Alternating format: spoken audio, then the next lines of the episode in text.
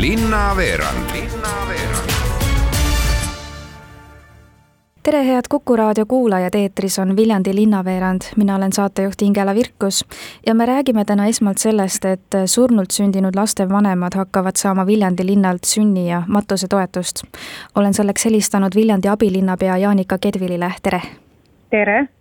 no miks ei olnud varem võimalik surnult sündinud laste vanematel sünni- ja matusetoetust saada?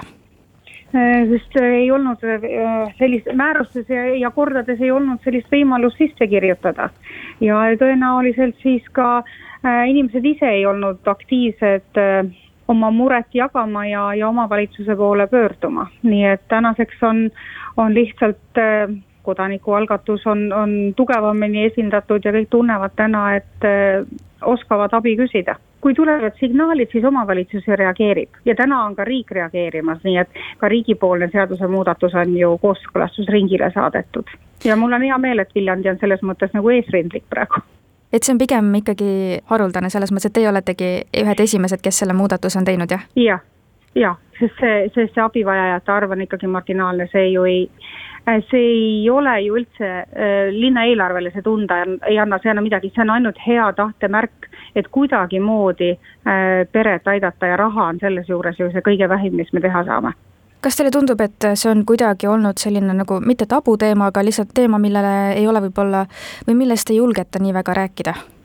Jah, kindlasti äh,, usun küll, et äh, usun ka seda, et need pered on jäänud mõnes mõttes äh, ka psühholoogilise toetaja abita äh, aastate taguselt. täna muidugi on juba erinevaid viise, kuidas, kuidasmoodi oma, oma leinast üle saada ja on kogemusnõustamised, leinanõustajad kõik olemas, et aga jah, see on, ma arvan, et see on olnud liiga kaua aega teema, millest ei räägita oskate te võib-olla seda ka öelda, et kui palju siis aastas umbes on selliseid peresid, kes sellist tuge ja nõu ja abi vajaksid? terve riigi mõistes on need aastad erinevad ja, ja no ütleme, keskmiselt on, on Eesti peale üks nelikümmend peret, aga Viljandi linna mõistes on see üks, maksimum kaks ja tore on, et on ka selliseid aastaid, kui üldse ei ole aga kuidas siis täiendatud korra järgi hakkab see toetuse saamine või väljaandmine olema? Äh, täpselt sarnaselt nüüd äh, nii, et kui kellelgi perel on kõik hästi läinud ja, ja beebi sünnib, äh, siis või kui nüüd siis on juhtunud nii see kurb lugu, et beebi ei ole ellu jäänud, siis lihtsalt taotlevadki sünnitoetust ja samad reeglid, kui üks lapsevanem on olnud Viljandi linna kodanik vähemalt kaksteist kuud, siis, äh, siis saavadki ette nähtud kuussada eurot. ja sama lugu on siis ka matusetoetusega, et, et kuna üks vanematest peaks olema siis äh, Viljandi linna registreeritud. no suur aitäh seda kõike selgitamast, Viljandi abilinnapea Jaanika Kedvil ning palju jõudu teile! aitäh, kena päeva! Nüüd olen aga helistanud Viljandi abilinnapeale Kalvi Märtinile, kellega räägime sellest, et kõik Järveotsa elamukvartali kinnistud on leidnud endale omaniku, tere Kalvi! jaa, tere! no ma saan aru, et inimesed on oodanud aastaid võimalust Viljandisse oma maja ehitada ja kahe tuhande kaheksateistkümnenda aasta novembris see võimalus tekkis, kui Järveotsa elamukvartali krundid müüki tulid.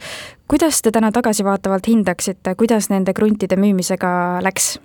no praegu tagasivaatavana äh, hinnates ütleks, et läks väga hästi selle müügiprotsessi alguses äh, ei läinud äh, see müük sugugi nagu hästi käima. Ja esimesed muljed olid peale esimest oksjonit sellised, et ilmselt on nii kinnisvarabürood kui ka meie üle hinnanud siin Viljandi linna inimeste soovi endale kodu ehitada. aga nagu nüüd aeg näitas, viimaste kruntidega läks asi nagu väga kiiresti ja tõepoolest kõik nelikümmend üheksa krunti on tänaseks omanikku leidnud, ehk nende hoonestusõigused on müüdud kuidas seal praegu ehitus kulgeb, kaugel äh, ehitustöödega ollakse? ehituslubasid on välja antud umbes kakskümmend ja kui sa platsi peal ringi käia, siis umbes kümme on äh, selliseid äh, krunte, kus ikkagi täiesti maja on juba püsti. nii et ka selle koha pealt ütleks, et päris hästi on asi edasi liikunud. mis on võib-olla need suurimad asjad veel võib-olla, mis tegemist ootavad, et mis seal veel teha tuleks kindlasti peale selle, et majad püsti panna? no kui me räägime nüüd taristust, siis selle on Viljandi linn äh, täielikult valmis ehitanud, nii et ega seal ei olegi midagi teha, teed, tänavad, vajalikud trassid, vesi, kanal, äh, elekter, side, äh, need on kõik olemas, nii et ega selles mõttes ei olegi nüüd muud, kui hoonestajad peavad oma hooned ette nähtud ajal valmis ehitama, noh, haljastus ka sinna juurde, nii et ega linna poolt sellel Järveossa esimesel arendusalal ei olegi praegu sisuliselt mingisuguseid asju enam vaja teha kas selle aja jooksul on tekkinud ka mingeid murekohti või probleeme, mille tõttu on siis tulnud teha plaanidesse muudatusi või? ei ütleks, tegelikult oli tegu ju tänavate ehitusega ja eks selliseid äh, ehitusi on ju Viljandi linn ennegi teinud, mitte nüüd küll päris uusi tänavaid rajanud, aga väikeseid selliseid jooksvaid äh, murekohti on ju iga objekti valmimisega. aga midagi sellist, mida siin märkimisväärselt esile tõsta küll ei ole, täitsa tavapärane ehitusprotsess, mis tegelikult kulges päris hästi ja päris mõistlikult ja ja tagantjärgi vaadates oli linna poolt need planeerimistegevused, eeltööd tehtud ka päris hästi, nii et, et äh, ei olnud selliseid probleeme, mille üle praegu peaks tagantjärele nagu rõhuma või, või mida peaks kurtma. kas te oskate ka öelda, et kes need krundid endale ostnud on? Tähendab, tegelikult ma arvan praegu, ega meil seda statistikat pole, aga ma arvan, et umbes pooled äh, nende hoonestusõiguste ostjad on äh, ettevõtted, millest võib järeldada, et, et pigem on tegu arendajatega. et umbes pooled on jah, need, kes on omale kodu ostmiseks ilmselgesti ehitanud ja umbes pooled on sellised, kes ilmselt müüvad selle äh, valmis ehitatud elamu edasi. kaugel teise etapi kinnistutega praegusel hetkel Viljandi on? Teise etapiga on nüüd niiviisi, et eh, teisel etapil on meil detailplaneeringu muudatusega vaja tegeleda. detailplaneering on meil siis eh, algatatud, sellega me tegeleme. Eh, selle aasta eelarves on meil raha viiskümmend tuhat Järveossa teise etapi tänavate projekteerimiseks.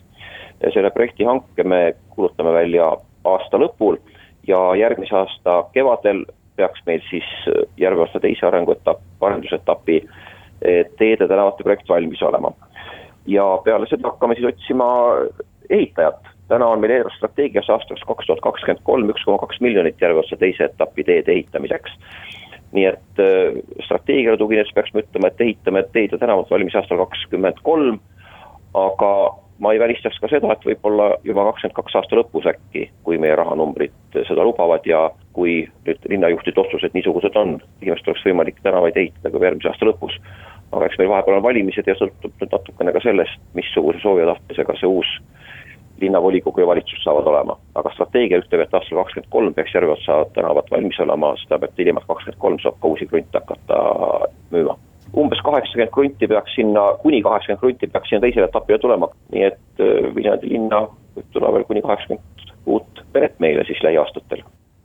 suur aitäh, Viljandi abilinnapea Kalvi Märtin ja palju edu teile! aitäh! Siinkohal me aga täna Viljandi linnaveerandi saatega lõpetamegi, mina olen saatejuht Ingela Virkus. tänan teid kuulamast, soovin teile ilusat algavat nädalavahetust ja püsige terved.